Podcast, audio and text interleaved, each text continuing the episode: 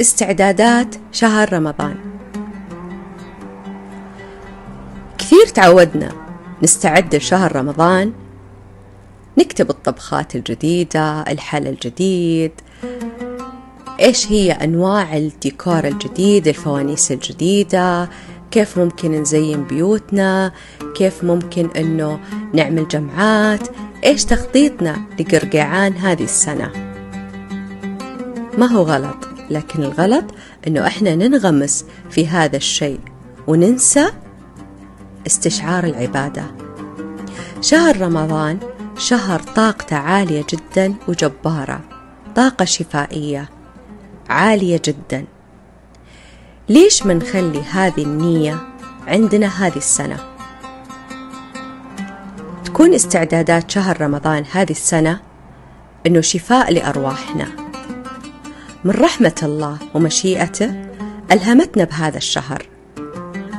لكي نمشي بطريق جديد نعيد فيه شحن أرواحنا. وبرضه نعيد فيه تحديثها. تخيل مثلا لو كنت في خلوة أو في سفرة وكنت هذه السفرة نيتك فيها تنقية لروحك. بعد ما ترجع كيف تكون روحك؟ ترجع بأفكار جديدة. دائما تحس روحك جديدة تحس أنه فيك طاقة عالية تحس أنه بشيء جديد وشيء حلو بداخلك. فما بالك لو كان هذا الشهر استغليته بكل ما فيه بكل دقيقة بكل ثانية بكل ساعة؟ بشفاء لروحك. من فترة سمعت صديقة لي قالت كلمة كثير حلوة. قالت نيتي هالسنة ما راح أشتري فوانيس رمضان نيتي راح أشعل فوانيس روحي. كلمتها كثير شدتني وكثير حبيتها. تخيلوا معاي لو خلينا نيتنا هذا الشهر واستعداداتنا لهذا الشهر إنه نشعل فوانيس أرواحنا.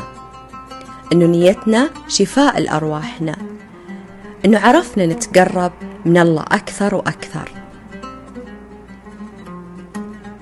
في طرق كثيرة في أشياء كثيرة.